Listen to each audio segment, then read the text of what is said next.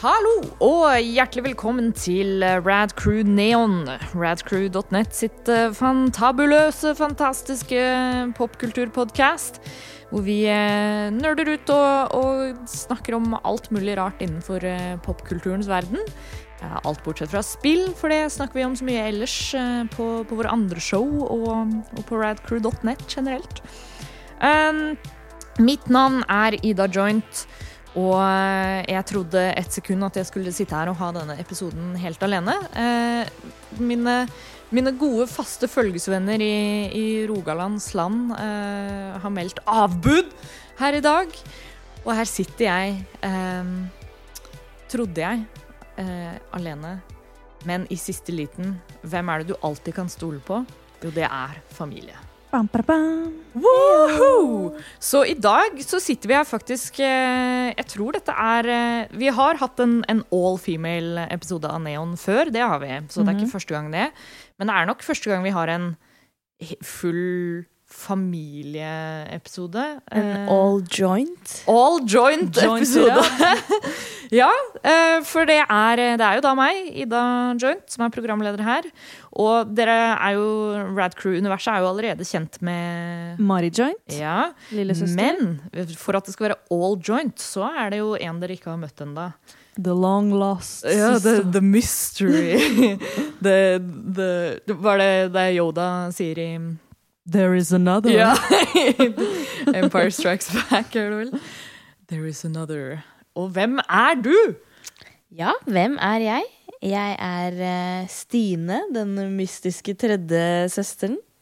The middle one. The middle one. Oh, middle child, til og med. Middle child, det er, Oi, ikke oi, oi. Det, det er ofte de beste, det, da. Ja, det er det de sier. Ja, det er det de sier. Nei, så dette er jo min uh, podkastdebut, så Woo. Ja, velkommen. Velkommen. Takk. Veldig spennende. Mhm. Vi, er jo, vi er jo glad i å introdusere folk eh, til podkast-mediet her i Radcrew, så så det er gøy at du, at du bare tok dette på strak arm og, og ville bli med her i dag. Vi, eh, vi skal rett og slett eh, snakke litt om eh, Mean Girls. Slemme jenter. Slemme jenter. jenter. det er jo en film som, som står oss tre ganske nært. Vi har et, et godt sånn søskenforhold med den filmen.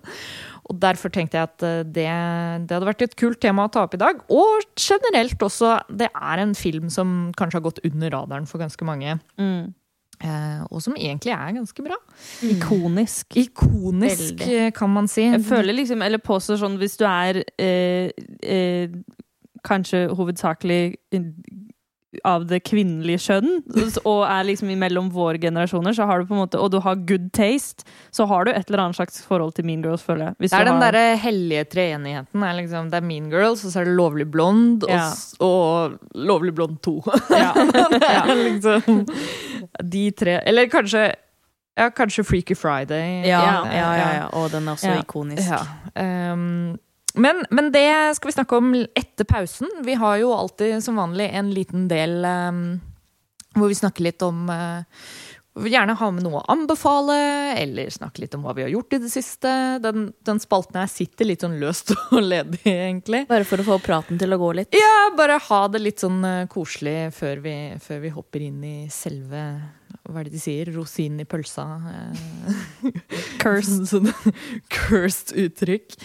Um, ja, Mari, du har jo vært i denne, denne balletten mange ganger før. Ja. Eh, så kanskje du kan vise Stine åssen det gjøres? Show me how it's done, girl. Show me how it's done. Det er allikevel, det er liksom hver gang, så man tror man forbereder seg, så gjør man egentlig ikke det. Så er det sånn siste liten, så er det sånn, hva skal jeg anbefale? Men, det er jo eh, litt sånn the story of Rad Crew, egentlig. men- Vi tar det litt på sparket. Ja. Ehm, så jeg kunne ikke anbefale et eh, spill som jeg nylig spilte, for det er jo på Rad Crew-podcasten, men det kanskje jeg kan få mulighet til å gjøre senere. Kanskje dere hører? Mari i et, i et hovedshow nær deg. Hovedshowdebut, for det, jeg har jo ikke vært på det ennå. Eh, hvem vet. Men da tenkte jeg jeg skulle gjøre og anbefale noe annet som egentlig har eh, Som jeg har blitt litt opptatt av under disse koronatider. Som jeg kanskje egentlig alltid har vært litt opptatt av, men det Og der der ble disse koronatider sagt for Ja. første gang. ja, Ding, ding, første ding, koronatider. Ta det på bingobrettet deres hvis du har nevning av koronatider. um, hudpleie har jeg blitt Oh. Som jeg syns er litt Og det er jo kanskje litt uh, det, det er definitivt en Ja. Rad Crew first. en. Rad crew first. Jeg tenker det her er jo Altså, jeg skal jo ikke lage dette til en sånn beauty-pod, men jeg tenkte bare å gi et sånt lite sånn uh, nice tips, hvis du på en måte Hvis du ikke Hvis du er helt ny til hudpleieverdenen, eller ikke egentlig bryr deg så mye om det, eller kanskje du uh, Det er jo ganske Det er en sånn self-care-ting. Det er sånn en fin kan- rutine å ha. Det er jo litt som Ja. du sier, sånn i disse tider så kan man kanskje sette litt ekstra pris på de tingene man kan gjøre for seg selv. Da, liksom Ja. Ta vare på seg sjøl litt. Og da, mitt lille tips da, er at man kan kanskje gjøre det lille ekstra, og kanskje ta en dobbeltkikk på kanskje ingredienselisten. Hvis du allerede har noen produkter du bruker, kanskje ta en liten sånn sjekk om produktene du bruker faktisk er egentlig good, eller om de egentlig bare gjør skade for huden din. Eh, kjapt tips uten at det skal bli liksom for teknisk, er at hvis eh, produktet du bruker på huden din har eh, ordet fragrance eller parfum, så er det egentlig ganske big no-no. Fordi i kosmetikkverden kosmetikkverdenen og sminkeverdenen så kan man bruke man kan, Under det ordet så kan det være innhold mange mange, mange ingredienser som de egentlig ikke trengs å opplyses Ah, ja. om. Det er ikke noen reguleringer for liksom hva som regnes å være parfyme. Nei, og da Fordi du har visse ingredienser som du må eh, opplyse om, Mm. men så har du de ingrediensene som du på en måte kan komme deg unna, og da kan du liksom bare legge teppet over som heter fragrance og parfum. Mm. Eh, så det beste av alt er Så det er liksom en sånn fellesnevner for masse sånne Ja. produkter som egentlig ikke burde Så det Så det beste det. er egentlig alltid fragrance-free, og de ganske sånn sensitive produktene som ikke er så Som irriterer huden, da, og som kan ødelegge. Eh, Mildt og Take care of your skin, girl. Ja. Og, ja. Og det er jo en ganske sånn stor og skummel verden hvis man aldri har vært borti det, men eh, man kan få ganske mye igjen for det hvis man bare tar en liten sånn Tar en ekstra runde og, og passer på at det man eh, bruker eller ikke bruker, er eh, egentlig godt for deg, da. Og så kan man jo også nevne Jeg, jeg syns det er interessant, for du og jeg er kanskje litt i sånn forskjellige ligaer av av eh, sånne hygienerutinene. Ikke det at jeg ikke er hygienisk, liksom, men, men, men jeg føler du har en mye mer sånn eh, Kall det innvikla rutine. Du er litt Ja. mer på sånn her OK, jeg må ha alle disse produktene og Ja.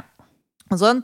Mens jeg er sånn Hva er the bare minimum av det jeg kan Ja. gjøre? Liksom, ok, jeg må vaske ansiktet mitt og bruke en god fuktighetskrem. Liksom. Men det er, og det er, det er ganske Ja. greit. Man det- må finne det som passer for seg. og det er det seg. som er greit for mange også. Jeg tror at liksom hele den skincare-boomen si, Mm. kan være litt sånn um, det kan virke litt intimidating eh, Mm. for folk, fordi man tenker sånn Å, shit, må jeg ha sånn ten step program? Ja, og nei, og det trenger man absolutt ikke. Og blir sånn åh, men så må jeg kjøpe masse nye produkter og dit. Og det var den følelsen jeg hadde òg. Men så var det sånn å ja, ok, nei, jeg kan kjøpe en god såpe, en god fuktighetskrem og solfaktor. Da Ja, er du liksom og, det, og det var det jeg også skulle nevne, at uh, siden den verden kan være ganske stor og skremmende Mm. De tre hovedtingene, det er egentlig det bare minimum som, man, Mm. uh, som de anbefaler. Og det er også som dermatologer der ute og, og alt det der sier det at uh, ja, en god vask, en god fuktighetskrem og alltid, selv om vi bor i Norge, husk solkrem og solfaktor. Det er kjempeviktig for å ta vare på huden. Sola er jo der, selv om vi ikke kan se den. Sant. Det er sant. Sant. Så Så det, det kan gjøre Så om, om til og med alt eh, virker intimidering, så ta på deg solkrem, i hvert fall. Ja. Så er mye gjort. Det, det syns jeg var veldig bra at du tok opp, Mari. Det er sjelden vi får noen sånne skikkelig brukende tips. Ja, nå er det litt sånn eh, Det er alltid liksom sånn her ja, Her er en kul eh, film jeg har sett, eller en eh, bok jeg har lest. Som for så vidt er Det er jo det som er vårt brand, på en måte. Ja. Men eh, Så nå Ja, men jeg føler liksom det er bra tips, fordi sånn som jeg og Mari, da, vi er veldig sånn eh, med hverandre er litt sånn eh, life hacks og, og, og, og ja. og tricks med livet og sånne ting. Da. Vi liker på en måte å, å prate om det oss imellom, og, Mari har jo påvirka meg litt sånn i forhold til det med in, innenfor skincare og sånn, da, fordi Ja. jeg har jo på en måte aldri brydd meg så mye. Ja, jeg vaska ansiktet litt og ikke brydd meg så mye hva jeg har brukt og sånn. Mm. Men så har jo på en måte Mari nå fått mye Eller hun har jo tilegna seg mye kunnskap og sånne ting om alt dette her, og, og vis meg og, og produkter Jeg lagde en powerpoint-presentasjon. lagde en powerpoint-presentasjon. Du skal bruke denne, du kan ikke bruke denne. Du må ha denne rensen og sånne ting, da. Så Og, så ja. Den kan deles hvis folk trengs. Ja, Ja, men er- eh, vi har jo community på Facebook og Discord og alt mulig, og Ja. dere vet hvor Mari er å finne, så Hit me up. Skincare Guru. Snart Ja. plutselig Be on the lookout. Kanskje jeg får min egen beauty-podcast. Åh, Nei det hadde jeg ikke klart å gjennomføre. Beauty Crew. Jeg får, jeg får bare være frilans beauty-tips. Ja. Nei, men det er koselige tips. da er jo, bakes jo litt sånn generelt inn i det. Jeg, jeg pleier å avslutte de fest, fleste episodene nå med å være sånn ta vare på dere sjøl. Mm. Men det er at dere viktig. har det bra og Det er sånt. Og særlig nå i disse tider, da, så er det jo litt sånn Hva er de lille Jeg tenker i hvert fall for, um, for de som har hjemmekontor nå, Mm, så er jo rutiner er sånn utrolig viktig. mm, Eh, for nå er vi Ja, altså når vi spiller inn denne episoden, 11. mars, mm. da er det Det er ettårsjubileet, det, for, Ja. for når liksom eh, det ble varsla nedstenging og sånt. Og, så da er det jo mange som brått har sittet i ett år på hjemmekontor. er Joakim vilt. inkludert. Det er vel snart eh, ett år nå på hjemmekontor. Og, og de snakker jo om det viktigheten av å ha sånn eh, Du må ha de tingene som gjør at du kan liksom skille mellom eh, hverdag og, Mm. og helg og Kanskje om det er å i- re senga eller Ja, ta den turen. Eller om det er å liksom ha en sånn skincare-rutine om morgenen, Ja. eller Vaske bare, ansiktet litt. ja, bare ha noen sånne ting da, som du kan komme tilbake til, som er, er dine, og som er sånn Nå tar jeg vare på meg sjøl. Ja. Det er utrolig viktig. og Jeg tror det er mange som undervurderer litt. Ehm, særlig sånn ikke for å bli for politisk på det, men sånn særlig med tanke på skjønnhetsbransjen og sånn, så er det jo Mm. noe som historisk sett har blitt veldig sånn å, det er jo bare De skal bare tjene penger på det, og, Mm. og tjene penger på usikkerheten din og sånt. Og Mm. det å da gjøre litt sånn som du gjør, da, gå litt sånn ordentlig inn i det og være sånn OK, men hva kan jeg gjøre som er bra for meg, da? At, Mm. at det ikke, ikke bare går på den skjønnhetsbiten, Nei. men at du gjør det som en sånn Her er det jeg som tar vare på meg sjøl. Ja. Um, det Absolutt. er veldig, veldig bra. Ja. Nå har jo du lagt lista jævlig høyt, da. Bare, Jeg tror, jeg tror kanskje det er så langt så er nok det min beste sånn en anbefalingsrunde.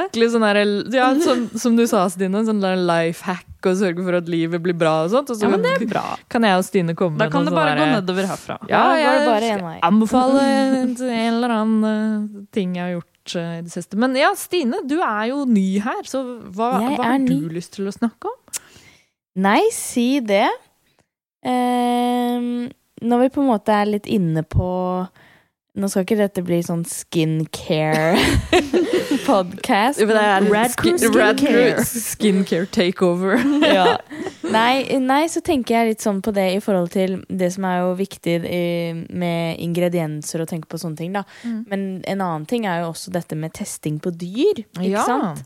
Eh, og tidligere så har jo ikke jeg brydd meg så veldig mye om det akkurat sånn Selvfølgelig har jeg vært litt klar over det, og ja, det er fælt at man bruker dyr til å teste og sånne ting.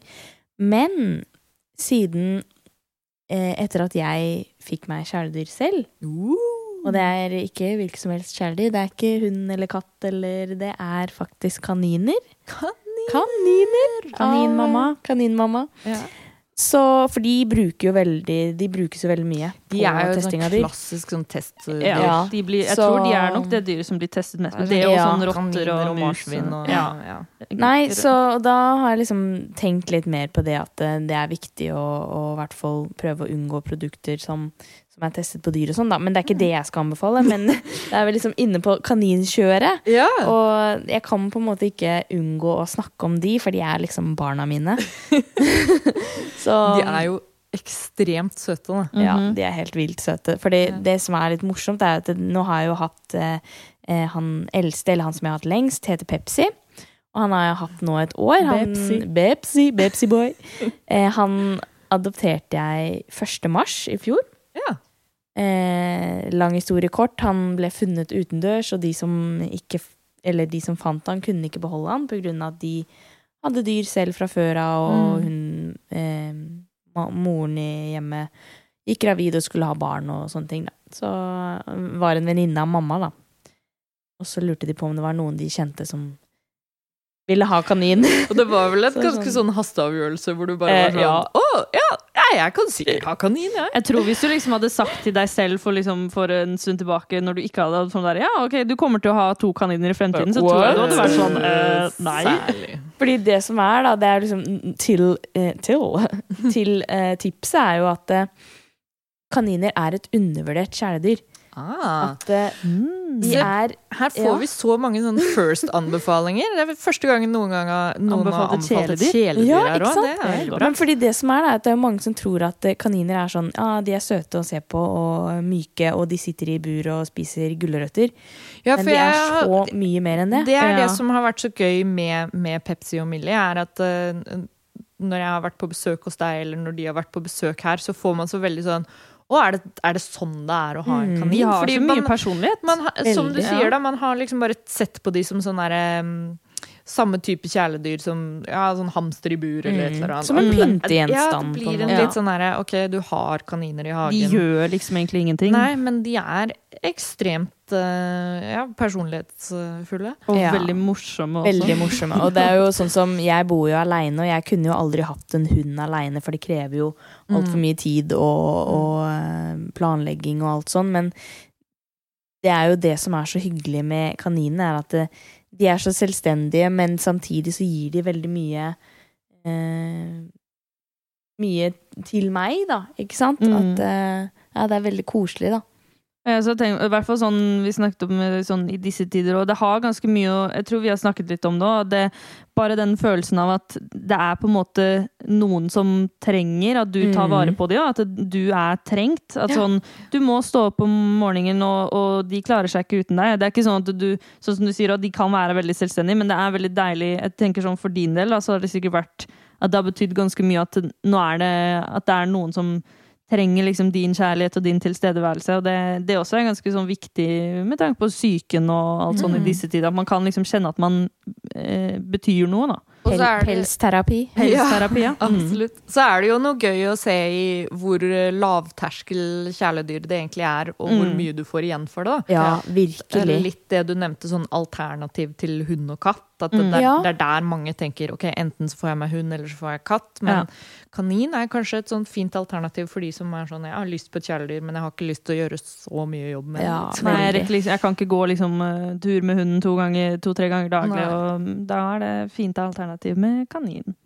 Ja, og så er det billig drift. eh, Ja, ja, de, jeg bruker veldig og- lite penger på det. altså. Renslige er de, ja. Ja, de er faktisk et av de mest renslige dyrene du kan ha. Oi, ha. oi, oi. Bare, bare positive ting med å ha kanin. Skaff deg kanin, get a skincare, Ja, her- have, live a happy life. Nå er dette sånn derre livsstilspodkast. Det er nå det. Rad sånn- Crew Life. Skaff deg, ja, skaff deg en skincare routine som ikke er testet på kaniner. Redd kaninene fra, Ja, fra Ja, så, så du kan eh, stå på badet og eh, vaske ansiktet mens du koser med kaninene. Ja, så er dagen komplett. Fantastisk. Nydelig. Nydelig. Jeg skal slenge inn en uh, kjapp anbefaling sjøl. Jeg vet ikke liksom hvorvidt jeg har lyst til å anbefale det, men jeg har bare lyst til å nevne det kjapt. Um, jeg har sett eh, sesong to av Exit. Det vet jeg du også har gjort, Stine. Mm. Uh, denne NRK-serien om, uh, om disse sleipe finans... Finansgutta. Jeg syns ikke det passa helt inn med våre anbefalinger her. da. Nei, nå nå, skal, jeg, sånn nå skal jeg trekke det ned igjen, Nei liksom. Nå må vi ned i, i lavkulturen. Nei, det som er tipset, er at det Ja.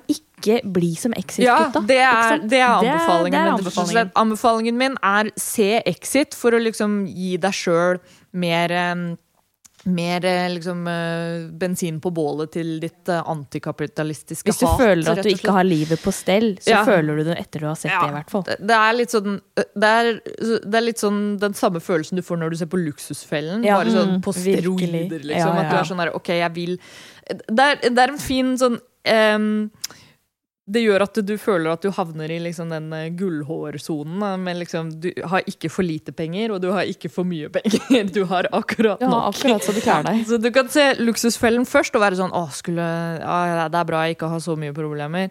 Og så kan du se Exit etterpå og være sånn Å, jeg er i hvert fall glad jeg ikke har så mye penger. um, men jo um, jeg, jeg tror jeg har snakket litt om sesong én da den kom ut uh, i en tidligere episode. Men eh, sesong to er ute nå, og eh, fortsatt ganske ålreit å se på, men jeg syns ikke det var like bra som første sesongen.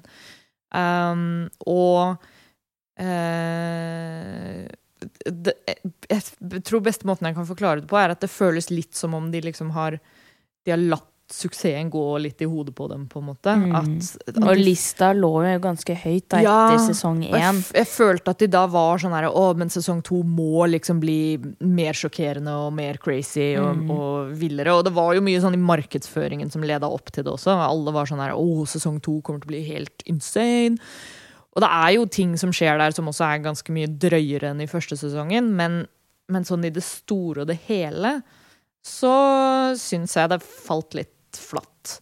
Mm. Um, men, eh, men den treffer jo absolutt på det der å få deg til å bare sånn hate systemet. Ja. Nei, så det er absolutt verdt å se, altså. Ja. Det, Det er, og, og det syns jeg egentlig at de gjorde ganske bra her òg, for det er, det er veldig lett med denne type media å, å glorifisere det lite grann. Altså man ser jo på sånn type Wolf of Wall Street og sånt som, som gjør at folk Altså reaksjonen til folk da var sånn her Å, faen, han er så kul, og jeg kunne ønske jeg også var sånn, liksom. Ja. Um, mens her så er det mye i selve serien også, hvor de direkte adresserer liksom det at det her er uh, skikkelig drittfolk. Uh, og det de, blir de, det viser jo veldig sånn baksiden av medaljen, da. Ja.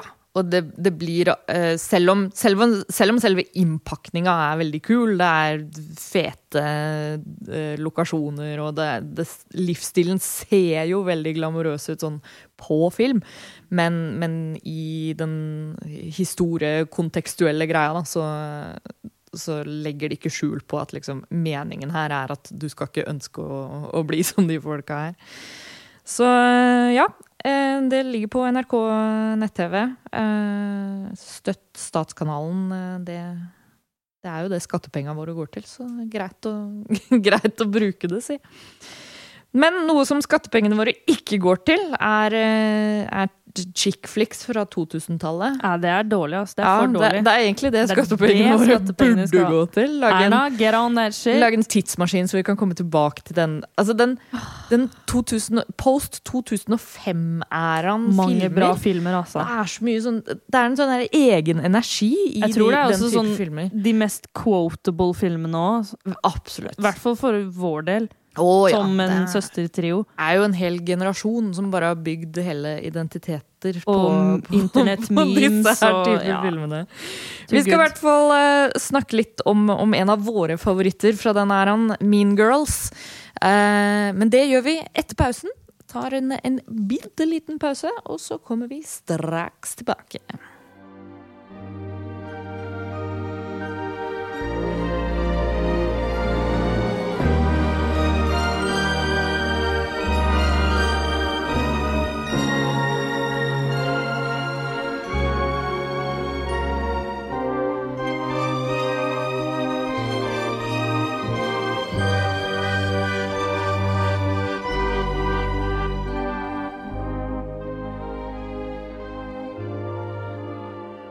Da er vi back in action.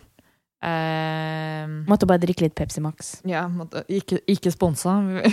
Må bare Please, give me spons. Give us sponsors. Det, sånn sett så passer det jo egentlig kjempebra at kaninen din heter Pepsi, og at den het det før du fikk den. Ja, det var jo helt jo altså eh, vilt. Meant to be. Meant to be, ja. Det var like meant to be som uh, at, eh, at vi alle har sett Mean Girls og likte den og har lyst til å snakke om den i, i denne episoden. Vi har jo vært, vært litt inne på det eh, rett før pausen, bare sånn fenomenet disse filmene fra liksom sånn sent eh, 2000-tallet mye sånne chick flicks og komedier og sånn, kall det college-filmer, da. Som eh, bare har en sånn e helt egen Feel. Ja, jeg føler det er en litt sånn svunnen æra. Vi har ikke så mye sånne filmer lenger. Men, eh, men Mari, kan ikke du ta og gi oss en, en kjapp innføring i liksom Hvorfor Mean Girls? Hvorfor, eh, Jo, men det hvorfor er det en, en film som er verdt å snakke om? Det er, altså sånn, det, det i seg selv er jo egentlig sånn litt vanskelig spørsmål å svare på, egentlig. Eller sånn for er um, min samboer Litt Markus vanskelig å forklare. Litt vanskelig å forklare, men jeg skal prøve. Eh, min samboer Markus han spurte meg det, for han også var litt sånn Men jeg, jeg skjønner liksom ikke greia. Hvor, for alle jenter er helt obsess med denne filmen. Hvor, Mm. Hvorfor Mean Girls? Hva er det som liksom gjør den så bra? Eh, jeg tror det er liksom en sånn god kombinasjon av bare sånn eh, Sånn som du sier, altså den er han med de type filmene. Jeg tror det er mye liksom komedien, mye man kan kjenne seg igjen i. Det er, det er Mm. veldig Jeg tror hovedsakelig i hvert fall Mean Girls òg er veldig relaterbar for mange jenter som har gått gjennom ungdomsskolen. Mm. Eh, det er et, eh, et ganske killer cast, egentlig. Ganske mange bra presentasjoner. Eh, manuset i seg selv er helt flott laget, skrevet. Jepp. Eh, men ja, altså, jeg føler det er jo litt sånn vanskelig Altså sånn You had to be there. Jeg, for jeg ser for meg altså sånn hvis, hvis, jeg, hvis jeg hadde vært i sånn Nå i dagens samfunn Jeg aldri hadde sett Mean Girls. Hvis jeg skulle liksom se den nå, kanskje det hadde liksom ikke blitt helt det samme. Jeg vet ikke. Jeg vet ikke liksom hvor, hvor godt den Nei, den har sånn nok sett. et sånn derre uh, kulturelt impact, Ja. uh, føler jeg. Og det er nok eh, Det hadde vært interessant å, å høre med noen som liksom har sett den i, i senere tid. Det er jo litt sånn som, det er en veldig sånn ung ting av meg å si, sikkert. Men det er sånn, hvis du ikke vokste opp på Disney Channel og så High School Musical, da, da, og du ser High School Musical liksom nå i dag, Ja, så er kommer sant. det ikke til å være helt det samme. For det er, det er, det er, jeg You tror have to be there. ja, men jeg tror det har mye med nostalgi å gjøre også. Oh, for sure. Eh, for sure. Men ja, altså sånn, det er bare en sabla bra film. Good feel jentefilm, liksom. Men Nei, jeg jeg skal ikke si jentefilm. Men jeg føler det er nettopp det som også gjør at den er verdt å snakke om, og som gjør at den på en måte fikk den, den mottakelsen som den har. Fordi i den er han med mye sånn, ja, som du sier, jentefilmer, da. Mm. Så føler jeg Mean Girls eh, er en film som tar liksom og transcender sitt eget media. At den, Ja.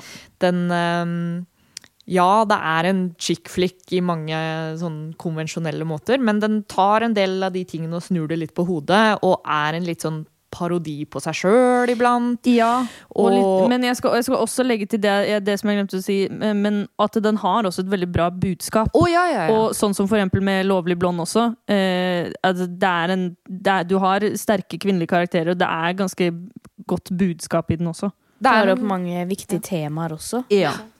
Det, det er jo en av tingene som er eh, ekstra interessant. Det er jo at um, Som du var inne på, Mari, det er en film som har et utrolig sterkt manus. Eh, Mm. er skrevet av Tina Fey, hennes uh, Legende. legendariske komikeren som vi alle kjenner. Mm. Um, dette er jo hennes Eller Miss Norbury. ja, ja, hun spiller jo Ja. i filmen òg. men hun um, Dette er første manuset hun skrev. Eh, eller første, første manuset som ble gjort til en film. Kan godt være at hun har skrevet noe før det sånn på egen hånd. Mm. Um, og det som er interessant, er at selve I opening credits så blir jo det blir jo fortalt at er at er Nei, at filmen er basert på en bok Uh, som heter Queen Bees and uh, Wannabes. Um, og jeg trodde lenge at det var sånn Å det er en eller annen sånn tenåringsnovelle eller bok som den er basert på, men det er faktisk en selvhjelpsbok. Mm, til foreldre. Ja.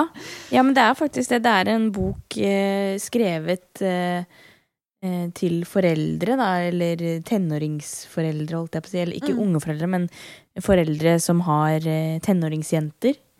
Eh, for å liksom hjelpe de gjennom chick flicks og Ja, og sånn derre liksom gossip, gossip og, og- sånn jenteterror. Ja, liksom, ok, hva skal jeg gjøre hvis uh, datteren min uh, Demondronningen uh, ja. regjerer på skolen. Ja, Ikke ja. sant? Litt sånn hjelp til foreldre, da, hvis For jeg føler jo dette er en film Jeg, jeg kan i hvert fall ikke tenke på noen tidligere former for media som tar opp sånn um, jentemobbing. Mm, For for, det, er jo det- det det, det det går i. Ja, for det er jo en veldig særegen greie. Eh, du har jo så mye sånn her barnemedia som foregår i skolegården, og, og filmer som, som handler om liksom livet på skolen eller livet på high school, og sånn, men det er veldig ofte fra liksom et mannlig perspektiv, og det er veldig ofte den, sånn Alle kjenner til den tropen med liksom ja, altså som Biff i Back to the Future, da. Eh, At du har liksom den derre the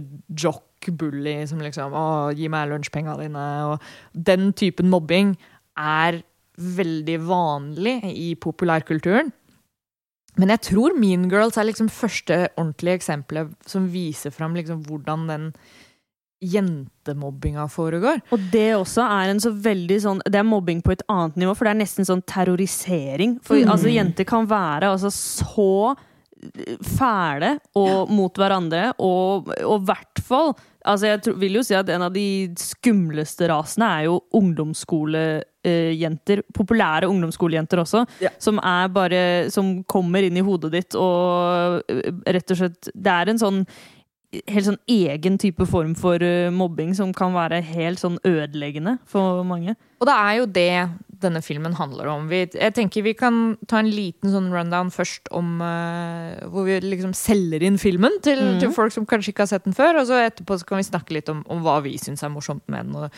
Det, er- jeg føler I en sånn her type spil, film så er liksom spoiler alert så er ikke sånn kjempeviktig. Men, spoile, men, men vi kommer selvfølgelig til å si fra når vi begynner å snakke om sånn selve filmen. Men, uh, men Stine, kan ikke du gi oss en kjapp liten sånn Hva er det Mean Girls handler om? Hva er liksom handlingen i filmen? Eh, kort fortalt så er det jo, handler det om eh, Catty, eller Katie. det er veldig viktig at man sier navnet hennes riktig. Ja. Katie Heron, som er eh, en eh, jente som eh, har bodd store deler av livet sitt, vokst opp i Afrika sammen med moren og faren sin. Og så flytter de tilbake til eh, Amerika. Men hun er, hun er hvit. Hun er hvit, Ja. ja. det, ja, det er faktisk et veldig viktig poeng for eh. Det er veldig viktig. Foreldrene hennes er noe sånn derre kultur... eh, Ja, driver med noe ja, greier Jeg blir ikke helt sånn forklart hva de driver med. Ja, men- det er noe, det er noe kunst og kultur der. Ja. Nei, og så da har jo hun Hun har jo vært hjemmeskolert hele livet sitt, og så skal hun da begynne på high school når de da flytter tilbake. Um, og så Hun er jo ikke vant til dette livet, ikke sant, med jenteklikker og Sosiale, det sosiale. pyramiden Ja, av dette high school. spillet. Mm. Uh, og det er jo på en måte det hele filmen handler om, da. Ikke sant? Hvordan hun kommer inn um, i denne kulturen, da. Og, og hvordan hun blir påvirka, og, og alt det som skjer, da. Mm. Så, mm, Det så veldig bra rundown. Fin, ja. kort, og, kort og konsist. Ja. Eh, uten å si for mye. Mm. Og det er jo et, et klassisk sånn tilfelle av at vi gjennom hovedkarakteren får oppleve veldig mange sånne ting som vi kanskje kan kjenne til selv fra før av, men Mm. når du får en sånn uvitende tredjepart, så åpner jo det for ganske mye historiefortelling til å sette disse tingene litt på spissen. Mm. Sånne ting som man kanskje sjøl ja. tar for gitt. Ja. Ja, og hele filmen foregår, foregår jo på en måte fra hennes eh, perspektiv, da. At du får se ting eh, Alt som skjer gjennom henne, og at hun er jo historiefortelleren Mm. gjennom hele filmen også. At hun, er, hun har liksom voiceovers og forteller og, og sånn. Og det er også en ganske sånn eh, bra måte å få fram eh, poengene og sånn i Mm, det filmen, veldig, da. Ja, det er veldig kult format. At, du kan, på en Mm. måte, at hun kan dele tankene sine med publikum med de voiceoversene også. Mm. At det også legger til litt uh, kule ting. Det, det som skjer, eh, som danner liksom hovedkonflikten her, er jo, som Mari var inne på, de, de populære jentene på skolen er jo The plastics. The plastics. Beware of the plastics. of the plastics. plastics. De eh, er jo da en, en klikk med jenter som er de typiske sånn most popular girls in school. Er superflotte damer hele gjengen. Og er Fashion liksom style. alle har rike foreldre. og er liksom det, de beste Det beste av de beste. Alle vil sitte Men med de i lunsjen. Men også det verste av det verste. Ja. Det Mhm. liksom- Monstre. Ja. Rett og slett. For, for Katie øh, blir jo da, når hun starter på skolen, så er det alltid litt sånn derre nye elevene i klassen-stigma. det er ikke så mange som eh, hun blir kjent med med det første, men så får hun jo to venner som eh, som i starten eh, liksom tar henne litt under vingen og skal guide henne gjennom, eh, gjennom livet på high school. Um, og ting skjer, og etter hvert så Hovedkonflikten her blir jo at eh, de danner en slags plan om at Katie skal liksom infiltrere The Plastics. Mm. Fordi lederen av The Plastics, eh, Regina George, uh, er um, Hun blir vel interessert i Katie på et eller annet tidspunkt. Det er noe som gjør at, de, fall, at Katie får litt sånn respekt av, av Plastics-gjengen. Og så um, Og da innser de at det er sånn Oi, nå, nå kan vi liksom komme på innsida. Og så blir det jo sånn klassisk sånn eh, Ting skjer, og det er sånn OK, klarer hun å holde, forholde seg nøytral, eller, eller Mm, blir hun en ja, av og så er det jo det at så. Sånn, eh, de vennene, de to vennene som tar eh, Katie under vingen, er jo eh, Det er jo Ian. Ja. Janice Ian. eh, og Damien. Damien. ja. Og det som er da med mm, grunnen til at eh, i hvert fall Janice da vil at eh, eh, Katie skal gå inn og ødelegge Reginas uh, liv, er jo fordi at de har jo vært venner Ja, de har tidlig. history. De har history. og Regina har vært skikkelig fæl og slem mot Janice, Mm. så hun vil på en måte ta hevn da, uh, over Regina. Og dette er på en måte hennes eh, måte å gjøre det på, å bruke Katie da, for å ta hevn. Men det går jo på en måte litt feil i feil retning, fordi Katie blir jo til slutt hun blir jo en plastic Mm. av natur. At hun, det blir henne, og hun blir skikkelig gode venner ikke sant? med Og det kommenterer jo litt på det presset som man undergår på skolen og sånt også. Man merker at hun, Katie liksom, hun mister seg sjøl litt. Og, og, og det kom, er jo sånn tema som stadig vekk kommer tilbake. Eh, hun har jo en konfrontasjon med Janice eh, midt i filmen også, hvor Janice er sånn herre Who are you? Og, Mm. Se på deg sjæl, hvor, hvor har det blitt av deg, liksom? Fordi Mm. Um, og, det er, og det er de momentene som jeg syns denne filmen håndterer så utrolig bra, er nettopp den derre sosialkommentaren i sånn Hvordan er det å være jente på high school, og hvordan er det å deale med alt dette presset og, og Moralen i historien er generelt veldig bra, da. Mm. Eh, og, og det kommer jo også tilbake til en sånn sjanger filmer hvor det er Sånn helt på overflaten så har du en, en artig komedie, som du var inne på, med masse quotable lines, og det, det er eh, Ja, det er jo sånn- en utrolig morsom film. det er Den er jo helt sånn sjukt morsom. en av de mest Jeg vil jo klassifisere det som en komedie først og fremst. Ja, ja, Ja. absolutt. Det er jo I kjernen så er det bare en, en tvers igjennom hilarious film. Ja. Men så har du de der varme momentene også, og de litt sånn moralske leksene som, som gjør at du tenker litt, da. Mm. Um, og, og jeg føler ofte når man snakker om sånne filmer, så kan, det, så kan det høres ut som at det er det som tar størst plass. At det er sånn Å, filmen Det er bare en sånn moralsk lekse. Men det kan ikke understrekes nok hvor fuckings morsom den filmen er. Har du en dårlig dag, se Mean Girls. Ja, absolutt. Og Ikke minst hvor mange amazing skuespillerprestasjoner som det blir gjort òg. Vi har ikke snakket så mye om Nei. selve cast heller, men uh, Lindsay Lohan spiller jo hovedrollen. Ja, Katie. dette er jo Lindsay Lohan i hennes sånn storhetstid. Ja, Liksom, Ja, og, eh, og Rachel McAdams, som spiller da Superbitch, Regina super-bitch J- Regina George. Og jeg vil da altså sånn, jeg har jo sett en, ganske mange av filmene til Rachel McAdams, men jeg, jeg tror sånn all time så er dette min favorittperformance som hun gjør. Det er jo en helt ikonisk performance. Det er jo altså sånn, og, men det, og det er jo en ganske sånn altså, det er jo en ganske sånn kompleks rolle å spille. Det er, ganske, det er mange lag der, og jeg føler sånn når du skal inn i en type Ja, det er jo en slags villain, da. Eh, en, en, en sånn mobb-queen, så må du jo Det er masse mean girl. sånn Mean girl. Det er masse liksom sånn eh, Ja, motiver som må på plass, og motivasjon og, og personlighet og alt det der. Jeg syns i hvert fall det er eh, mange Altså alle Og det er liksom det er, ikke, det er ingen som på en måte bærer, bærer filmen alene. Det er bare sånn hele castet sammen er, eh, er helt amazing. Og det er eh, masse, masse bra presentasjoner. Og Rachel McAdams er jo 25 år gammel når hun spiller her, og Ja. hun, hun er en så overbevisende tenåring. Det, Det er helt, helt vilt. det, Helt vilt. det gjelder vel egentlig nesten alle av de som spiller de Ja, for de er ikke. Er skuespillerne er ikke den på en måte alderen de spiller. De er Nei, mye nei. eldre, men det er veldig veldig troverdig at det er en high school i Mm. USA. Og en ting som jeg liker veldig godt med filmen også, som du var inne på i stad, dette med hvor gjenkjennelig det er. Jeg tenker i hvert Mm. fall for alle oss tre som sitter her, som er liksom Vi er jenter, da, som har gått på ungdomsskolen, og vi kan alle kjenne oss igjen i hvert fall noen av situasjonene, om ikke alle. Absolutt. Eh, og det på tross av at det er sånn satt i en veldig sånn amerikanisert high school-setting. For det er jo gjerne noe som alltid skjer i, i de her type liksom college-filmene, er at det er litt vanskelig for sånn uh, internasjonale studenter å kjenne seg igjen i, i den amerikanske high school, fordi det er en, et Det føles litt sånn her grandiost og annerledes ut.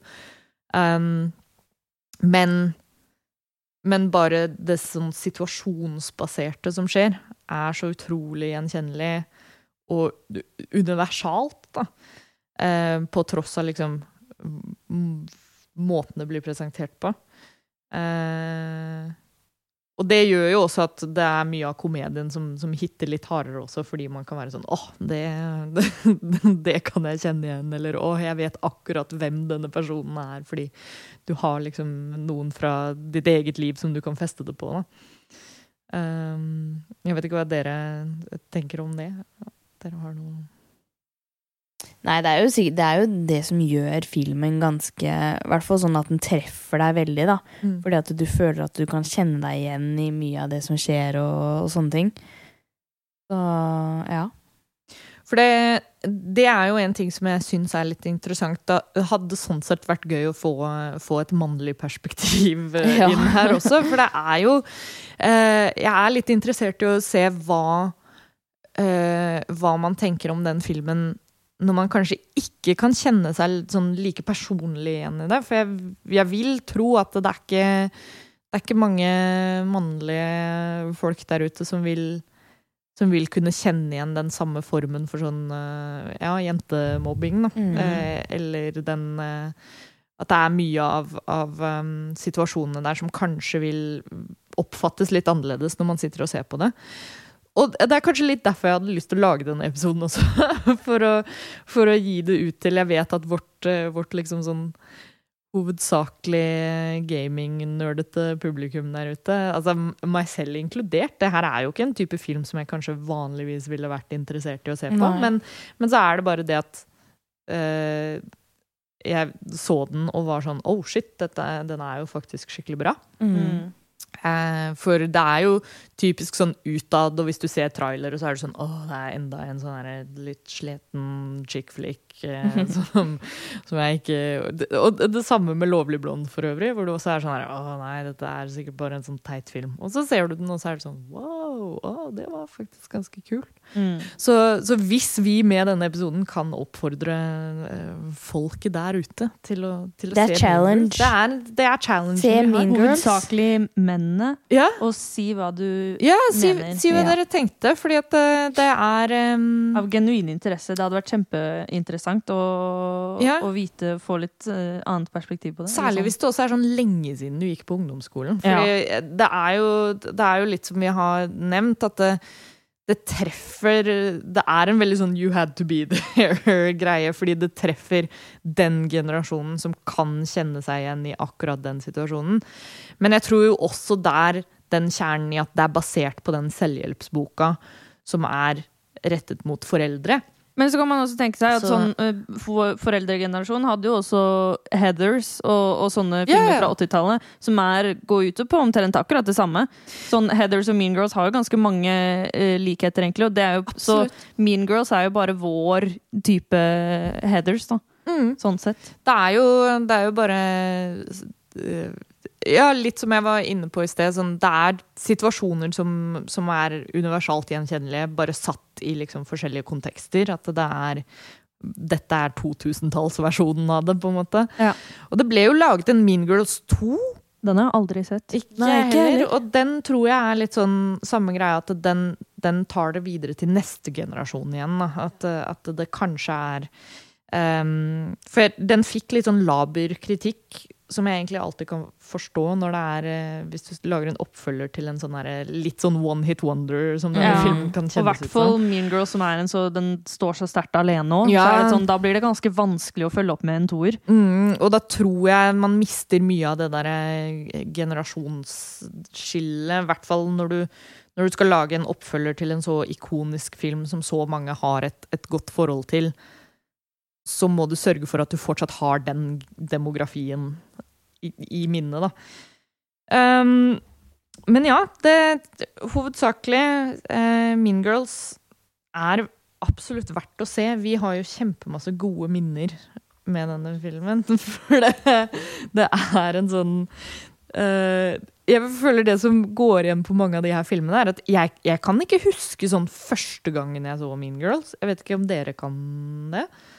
Nei Jeg bare jeg Det er bare sånn har film som liksom har ganger. eksistert Ja. i, i hodet mitt. At jeg bare sånn Å ja, den, den kjenner jeg til. Men jeg kan ikke huske sånn når jeg var sånn Å, nå skal jeg se den filmen, eller nå Jeg husker, jeg husker, veldig, jeg husker sånn veldig godt at eh, For når jeg var fortsatt ganske ung sånn jeg så den, men eh, den traff selvfølgelig. Og så husker Mm. jeg sånn veldig spesifikt at eh, vi hadde den på, på iTunes. Vi hadde kjøpt filmen. Mm. Og så hadde jeg den sånn på, på iPoden min.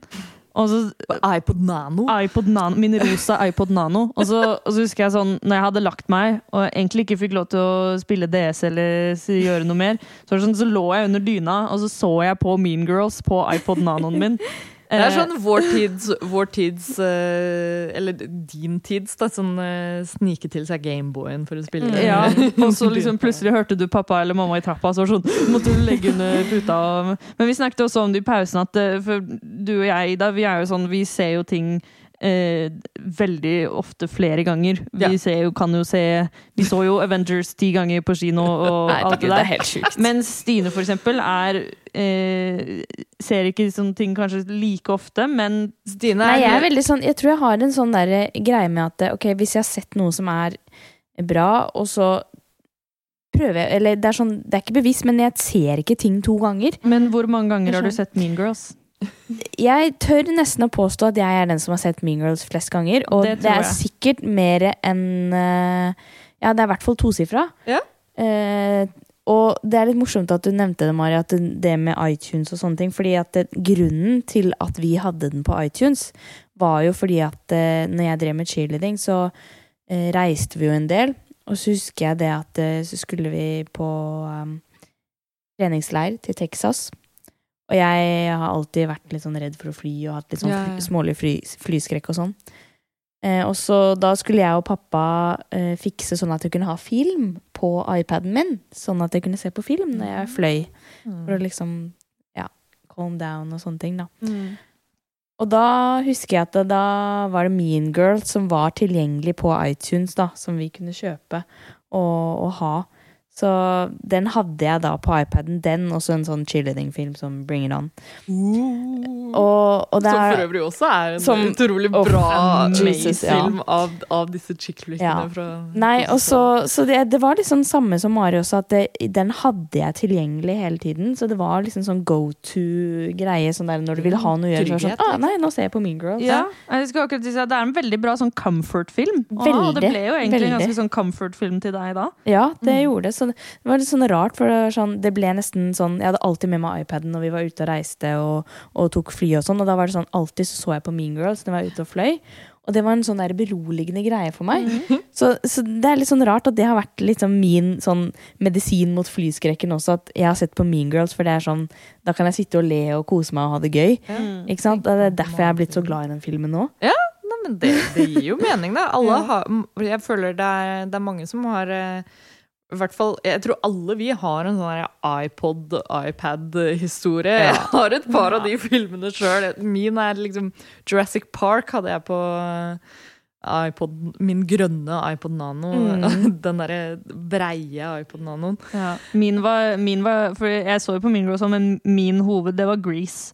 Å ja. det husker jeg! Å, du så på Grease Og- fuckings hele Nei, men, tida! ja, og hands down, hands down, jeg skal si at på et eller annet tidspunkt altså sånn, Jeg kunne hele det manuset, og da var jeg ganske ung. Men Altså. det, men det er sånn jeg følte det med Mean Girls. Ja. For det er sånn, jeg føler det er litt det av den generasjonen som vokser opp i dag, kanskje går litt glipp av. Akkurat det der at det, Å memorisere en film. Ja, fordi at det, ja, du er nødt til å Du har kanskje ikke tilgang til alle filmer hele tiden. Altså, Så du må du nå. nøye deg med den, nøye eh, deg med den filmen du ja, har dette kjøpt her og var brukt jo penger liksom på. pre-streaming og sånt. Ja, så- ja var sånn, du, alt var jo ikke tilgjengelig. Du måtte jo betale Ja, for ikke alt. ja, og det husker jeg også, sånn, og det- Jeg husker det godt. At det var sånn Det var eh, hvert fall én uke, og da så jeg Grease hver eneste dag den uken. Altså sånn syv ja. dager på rad. Det, og man gikk liksom aldri lei. Det var bare sånn Jeg hadde det med Air Force One. Tok jeg også lasta over på det var, Da hadde jeg oppgradert til iPod Touch. Men, uh, men den hadde jeg på, på min iPod Touch, og det var også sånn, da så jeg på den liksom hver kveld før jeg gikk og la meg. Ja. Sånn. Ja, men det ble liksom det ble sånn kveldsritual. Ja, ja, ja. Men det, det er jo sykt fascinerende. Det er gøy å ha sånne filmer som man har historier med. Og særlig i ditt tilfelle, Stine, som du sier sånn Du er ikke så glad i å se ting flere ganger. Du er, du er det vi på, på, på fagnerdespråket kaller en filthy casual. Uh, Ja, men det kan jeg være. Det kan jeg faktisk leve med, altså. Stine bærer den tittelen med, med pride. Yes, Um, men, og da er det ekstra gøy å ha sånn de få tingene som er sånn Ja, men det er ekstra spesielt for meg. For det det kan jeg noen ganger kjenne på at jeg savner litt på i det å være en sånn popkultursponge. At jeg liksom Jeg blir Ja, så blir utrolig glad i ting, og Ja. jeg kan se filmer sånn utallige ganger. Man blir så obsessed. man, ja, så fort. man sånn, man mister litt den der ekstreme tilhørigheten til, til én spesifikk ting. Da. Amen. Eller ja, å få den derre comfort, eh, comfort-filmen. For deg så er det jo sikkert kjempelett å da være sånn ah, nei, men da smeller jeg opp Mean Girls. Mens for meg så er det sånn jeg har 20 comfort-filmer, da. Så, som er sånn OK, men hvilken av de har jeg lyst til å se på? Du bruker mer tid på å prøve å bestemme deg enn å faktisk se ja. ja. Det er den evige, evige konflikten. Um, Jeg også, jeg må også Det har ikke blitt adressert, men jeg føler jeg må ta på mine eh, ekspertbriller og nerdebriller og si, siden jeg er eh, eh, uoffisielt Rad Cruise musikalekspert, så må jeg altså du er jo offisielt, uh, Offisielt. Uh, ja, musikal- Det er ingen andre som har stått frem ennå, så da jeg, jeg claimer den tittelen enn så lenge. Ja. Mean Girls er laget inn i en musikal også. Det fins en Mean Girls-musikal, og den er killer. Den har et Den bra, eh, altså. amazing Ja, ja. Den har et amazing soundtrack. Den, jeg kan si på at den ble nominert til en god del Tonys. Uh, den eh, eh, Ja, den er eh, Sceneversjonen også er eh, Jeg skal ikke si at den er bedre enn filmen, men den har også godt manus, gode sanger, eh, veldig eh, morsomme prestasjoner. Eh, og også litt sånn annen pitch til en veldig sånn kul sang. Stine også har hørt den. Janice sin eh, hovedsang, som er veldig sånn eh, kult anthem til å bare være deg selv og drite i hva alle andre mener. I'd Rather Be Me, som er Å ja, eh, den har jeg også hørt! ja, den er, eh, den er kjempe, kjempekul. Hvis du har en litt sånn dårlig, dårlig dag, så er det sånn man kan blaste og være litt sånn Power fuck- anthem. Ja, men skikkelig power anthem. Litt sånn fuck the haters. Og det, ja. Så musik scenemusikalen er også øh, veldig bra. Og jeg, hvis jeg ikke tar helt feil, så er jeg, jeg, jeg vet at Tina Fey hadde ganske mye med den uh, Jeg tror hun var ja. involvert i Hun var ganske involvert i den Men prosessen. ett også, viktig det- spørsmål til ja, den musikalen. ja. Er Glenn Coco med? Glenn Coco. Det, vet du hva, jeg, jeg, Den jeg er mest legendariske karakteren i Mean Jeg er faktisk litt usikker, men jeg tror Jeg er ganske 100% sikker at de må ha noe med med jeg har, altså, sånn, Det er ikke noe i albumet, men jeg er ganske sikker på at sånn i manuset som Men hvem er det. Glenn Coco, Who Stine? is Glenn Coco? Glenn Coco er den viktigste personen i den filmen her. Det er hele hele plot-twistet. Ja, det, Det er Spoiler warning. Spoiler, Nei. spoiler nei. Nei, for det, det som er, da, det er jo et ikonisk eh, en, en ikonisk scene i den filmen, og som har den mest kjente quoten i hele filmen også. Eh, det er jo at det nærmer seg jul, Ja. kanskje? Ja. Jul. Jeg regner med at det er jul, i og med at det Ja, er det- julenissen. som Ja, det er julenissen. Og de har sånn greie på skolen at de, de skriver eh, em, sånne små meldinger på candy canes Mm. som de kan sende da, anonymt til hverandre. Litt sånn juleversjonen av sånn uh, Valentine's Det, ja, liksom. ja, absolutt. Ja. Så det er, du kan skrive, og så kan du legge de, og så kommer eh, julenissen, som da er Damien, Ja. som har kledd seg Og så er det litt julenissen. status i det. Da. Det er sånn herre Hvem får flest? Ja. Det er jo det Ja. samme som med valentineskort. det Ja, ikke sant, liksom, hvem får- får må- flest?» Må få masse candygrams, Ja. liksom. Nei, så, er det jo, så sitter de jo i klasserommet, og så kommer uh, julenissen. Å, candy Cane! Og hele greia. Og så har jo selvfølgelig Katie vært utspekulert, ikke sant? Og, for det har jo vært noen sånn fi- fight mellom eh, Plastics og Regina og hele pakka. Så Katie får jo en candy cane av Regina, som hun har skrevet til seg selv, da. Ja, for å skape litt intriger. ja. Eh, og så er det Gretchen, som ikke får noen, ikke sant? Som, da blir hun ah, You got a candy cane from Regina, and I didn't get anyone. Og så bare sånn plutselig så er det sånn None for Gretchen winners. Four for you, Glenn Coco! You go, Glenn Coco! Og det er bare sånn Ingen vet hvem Glenn, Glenn Coco er. Men, sånn, han får fire candy canes, yeah. og det er bare sånn You go! men det som er gøy i det, eh, Jeg gjorde litt research opp eh, imot denne her episoden, og Glenn Coco er faktisk en ekte person. Det er en venn av Ja, Tina Fey. Det er faktisk sant! Ja. Det så jeg. At han Altså, det Så det er på en måte en slags cameo, da. At, Det er en hyllest Ja. til Glenn Coco. ja, at The navnet hans Glenn Coco. nevnes fordi han er en sånn god, eh, god kompis av He doesn't Tina even Fey. go here. Det er, å, det er så mye ikoniske oh, linjer og Jesus. moments her. Hva er noen av dine favoritter, Stine? Jeg syns vi burde ta en liten sånn liksom, Kanskje en liten sånn quotes-runde, ja. Yeah. Ja. Sånn, You go, Glenn Coco! Ja, Glenn Coco er jo the best quote of them all. Det er, så det er bare også noe utrolig morsomt med navnet Ja. Glenn Coco. Det høres jo bare høres So if you're from Africa, why are, Why are you, you white? white? Oh my god, Karen, you can't just ask people why they're white. Ja, den er også veldig bra. Det er, Mener, ja, Amanda Seyfried er jo også med som Ja, dette er hun, hun spiller jo den dumme jenta Ja, i Plastics. Det er første filmrollen hennes noensinne, Ja, og den òg gjør hun hilarious. Mm. Ja, veldig bra rolle. I'm a mouse. Duh. But he's like my second cousin. I can't go. I'm sick. det er sånn at man kan bare sette i gang, og det er liksom rapid fire uh, quotes uh, gjennom hele filmen, føler jeg. Det er liksom ingen scene som ikke har en eller annen ikonisk uh, gjennomføring av et eller annet. Åh, det er Det er jo en av de beste, det som Mari var inne på i stad med She Doesn't Even Go Here, er jo når de har den scenen hvor de på en måte skal uh, si unnskyld. Rense seg Ja, de selv. skal rense det seg selv veldig sånn fint uh, moment, egentlig. Ja, de står på en scene, og Come så clean og ja, Ja. skal de liksom unnskylde seg for sine- eh, alt de har gjort Ja, ja. gærent, og jentemobbing, og så skal de liksom trustfall ned på, på alle som står og hører på. Og så er det en jente, da. som står Som står og liksom skal fortelle. Hvorfor er det så morsomt? Litt sånn, litt sånn ikke mest heldig med utseendet sitt, og kanskje Ja. Ja, ja. litt sånn blid og godt hjerte. Med et veldig godt hjerte står liksom og gråter og bare I just wish we could all make a cake out of rainbows and smiles. I just wish we all could get along.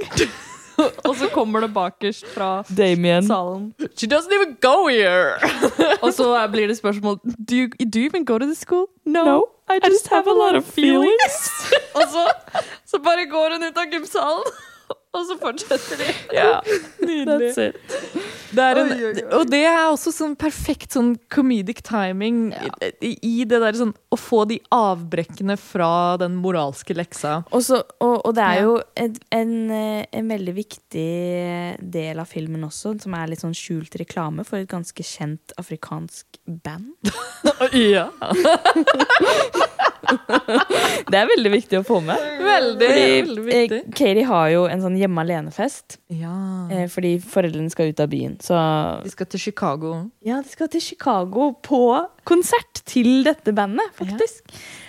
Og hvordan, hvordan er det at hun ikke skal Hun har ikke jeg- lyst til å være med fordi hun vil være hjemme alene den helgen. Ja, fordi over eh, Det er jo The Plastic som liksom overbeviser henne om at eh, hei, vi kan ha fest, og det er kult og sånt. Ja. Så da, da avlyser de planene med foreldrene sine. Ja. Og da blir jo foreldrene litt i sjokk.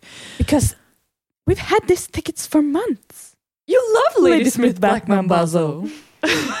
Og det er liksom bare sånn Lady Smith Black Mambazo. Det er Det er to be fair, det er faktisk Det er faktisk ganske kul musikk. ekte band. Ja. og, men bare den quoten og bare hele greia De sitter liksom rundt middagsbordet og bare Det skal ha Dra og se på et eh, afrikansk band i Chicago. Ja. Men det, har ikke blitt, det er ikke viktig for Katie lenger. Nå er det det at det er hjemme alene-fest. Det er jo en veldig bra sånn, sånn eh, Ja, det bruker komedie til å også fortelle litt sånn worldbuilding. At Mm. du ser karakterutviklingen til Katie, og at, eh, at hun Nå er hun ikke den hun en gang var, da. mm. Eh, og det er eh, Ja, det er så utrolig mange sånne små momenter som eh, så- Og så en annen viktig ting da, som vi egentlig ikke har vært inne på, men sånn i forhold til filmen, som egentlig er en ganske stor del av filmen, som tar opp dette med jentemobbing og sånn, det er jo The Burn Book. The Burn Book. Åh, hvis jeg har tid og ork, så skal jeg redigere liksom episodebildet. Skal være The Burn The Book, Burn bare Book. at det står Rad Crew. Ja, men det må du jeg skal, se om jeg, skal se om, jeg skal ikke love for mye, men eh, jeg skal se om jeg får det til.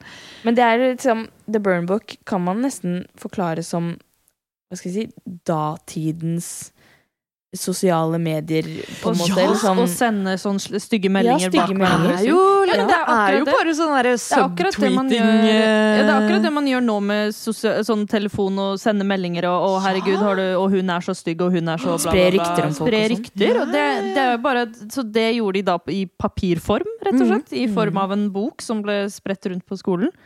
For hva er The Burn Book, eh, Stine? Uh, The Burn Book det er en eh, bok som The Plastics har hjemme hos Regina. Hvor de skriver stygge ting om de andre jentene på skolen. Rykter og ting de har hørt, og ting som folk har fortalt dem, og sånne ting. Eh, ja, rett og slett. Enkelt Hvor de greit. burner folk. Ja, hvor de Ja. burner folk. Ja det, ja, det er rett og slett bare det der. Mm.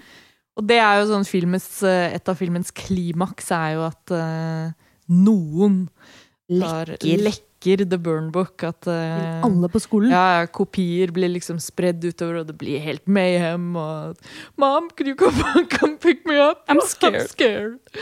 Uh, og, og det setter jo sånn skikkelig kaos i gang, fordi da blir det putter alle disse ryktene ut i verden. At det Mm. ikke fortsatt bare blir sånn hysj-hysj i gangene. Um, Ja, og så er det jo sånn der at eh, det viser jo seg at noen av de ryktene i boken er sanne. ja. Eh, så skolen er jo nødt til å på en måte eh, finne ut av alt det, alle disse ryktene, og finne ut av hvem som har skrevet og sånne ting, fordi at det, i og med at det viser seg at noen av ryktene er sanne, ikke sant? Da blir det jo skikkelig sånn etterforskning. Ja, liksom, Hvem har skrevet boken kaos. og alt sånn, da. Så det blir jo helt sånn Det blir helt kaos på skolen. ja. Og det er, det er en utrolig fin sånn spenningskurve og pacing i hele filmen som eh, eh, Nå husker jeg ikke hvor lang den er, den, er- for den, Den er ikke sånn altfor lang, Den inneholder så utrolig mye. Det skjer men veldig mye på kort tid. Det skjer mye, men du Men uten føler at det er overveldende. Ja, du føler ikke at det er overveldende, det er ikke noe sånn er rushed. Alt passer liksom sånn helt perfekt uh, inni hverandre. Og ja, det er eh, På tross av hvor mye den handler om liksom mobbing og seriøse temaer og sånn. Den ender jo godt, men det er også en sånn der overarching liksom feel good eh, med det. Mm. Ref det vi sa med at det først og fremst er det en komedie, liksom. Jeg ser for meg en film som det her kunne fort blitt gjort til litt mer drama. Kunne vært litt mer sånn her eh, sippete, kan man si. Det, det er lett å falle i den fella, men jeg tror det er det som gjør litt av uh, filmen eh, At det er det som gjør uh, Er briljansen med den filmen her, da. At den klarer å balansere det der med komedie og drama så utrolig bra. Mm. Nei, det er bare en dritbra film, rett og slett. Det er dritbra! Ten out of 10. Du må Den er få det ten. sett. Any day. Nå Jeg vet ikke om den ligger på noen streamingtjenester eller noe sånt. Det er uh... Mener du skal jeg så den på Netflix en eller annen gang? Men Den nå, har vært altså, på Netflix, nå, vet jeg, i men jeg disse er tider med alle streamingplattformer så blir jo ting flytta rundt hele tiden. Så nå vet Jeg jeg, vet ikke at hvor den den er ikke på Disney Pluss, i hvert fall, for dette er den første ikke-Disney-filmen som Lindsay Lohan spilte i. Ja. Så Sikkert på noe sånn Amazon et Prime eller annet eller Det er det mulig å få tak i den, så ta i hvert på en gammel iPod et eller annet Ja, den ligger, ligger på en eller annen iTunes-konto henslengt i, på en iPad på et kott. Så- Sammen med Grease og Jurassic Park. ja. Og Bring It On. Og bring it on. Bring It On blir neste, neste Søs- gang eh, søsterpod. Neste gang jeg må, må rigge til til søsterpod, så får vi snakke om Bring It On. Det- Da skal jeg ta hele roll call for dere. Altså. Ja. Å, den scenen er så bra! I'm sexy. I'm cute. I'm popular to boot. Åh, ja, Bring It On er også helt fantastisk. Ikonisk. Men, eh, men Mean Girls er nok hakket mer ikonisk. Og, og hvis vi med denne episoden kan inspirere i hvert fall et eh, knippe folk til å se den, så, så er vi fornøyd, vil jeg si. Ja. Uh, så, så se Mean Girls, folkens. Um, Skaff dere en kanin og, og ha litt skincare-rutine i, i hverdagen. Og se sesong to av Exit. Og se sesong to av Exit mens du liksom koser på kaninen og har ansiktsmaske på. Oi, oi, oi. liksom. Da er livet verdt da å leve. er, da er det bankers. Det er mye gjort. Når du har gjort alle de tingene, eller kanskje før det òg, så, så kan vi jo anbefale deg å ta en tur inn på radcrew.net og sjekke ut alle de andre tingene vi har der. Der er det mye morsomt uh, som skjer. Vi har jo Ja, i år er jo tiårsjubileet til Radcrew. Vi har ti år med content på den sida, det eh, Da kan du i hvert fall ikke klage på at du ikke har noe å, å høre på, Uh, for det er nok av ting der. Det er nok uh, til i hvert fall ett år til med hjemmekontor, eh, selv om vi håper jo Gud inderlig bedre. at det ikke Ja. blir det. Nå er vi lei. Nå er vi faktisk lei, altså. Nå eh, Forhåpentligvis kan det gå mot litt lysere tider, selv om det kanskje ikke ser sånn ut akkurat nå. Så eh, I hvert fall ikke i dag, når det har kommet ut så masse nyheter om, eh, om liksom, at vaksinene trekkes tilbake. Og det er jo Det vil jo ingen ende ta, dette greiene her. Nei, man har liksom slutta å bli eh, sjokkert. Ja, man blir litt sånn apatisk til slutt. Mm. Og da er det desto mer viktig å ha gode folk rundt seg. Og det har vi jo i vårt Radcrew community på Facebook og Discord. Der kan man eh, komme og ha det gøy, henge med oss eh, og prate skit og dele memes og le av ting. Det er ekstra viktig i disse tider. Um, vi eh, Jeg vet ikke helt hvordan streaming-schedulet ser ut fremover, men jeg tror, eh, tror det er snakk om å prøve å ha litt flere streams gående. Det er jo gøy å få til litt sånne sosiale greier. Uh, og kanskje, hvis det er interesse for det, så, så kan vi begynne med litt mer voice chats i discorden. At vi åpner litt kanaler hvor man kan komme og henge og, og være litt sosial. eh, eller så sosial som det går an å få bli i disse tider, i hvert fall.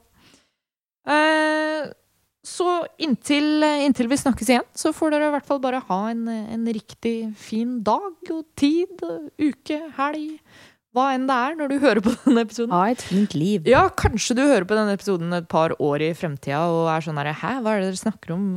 Vaksiner Hæ, det er jo en svunnen tid! I så fall så misunner jeg deg. Ja, i så fall så er du veldig heldig.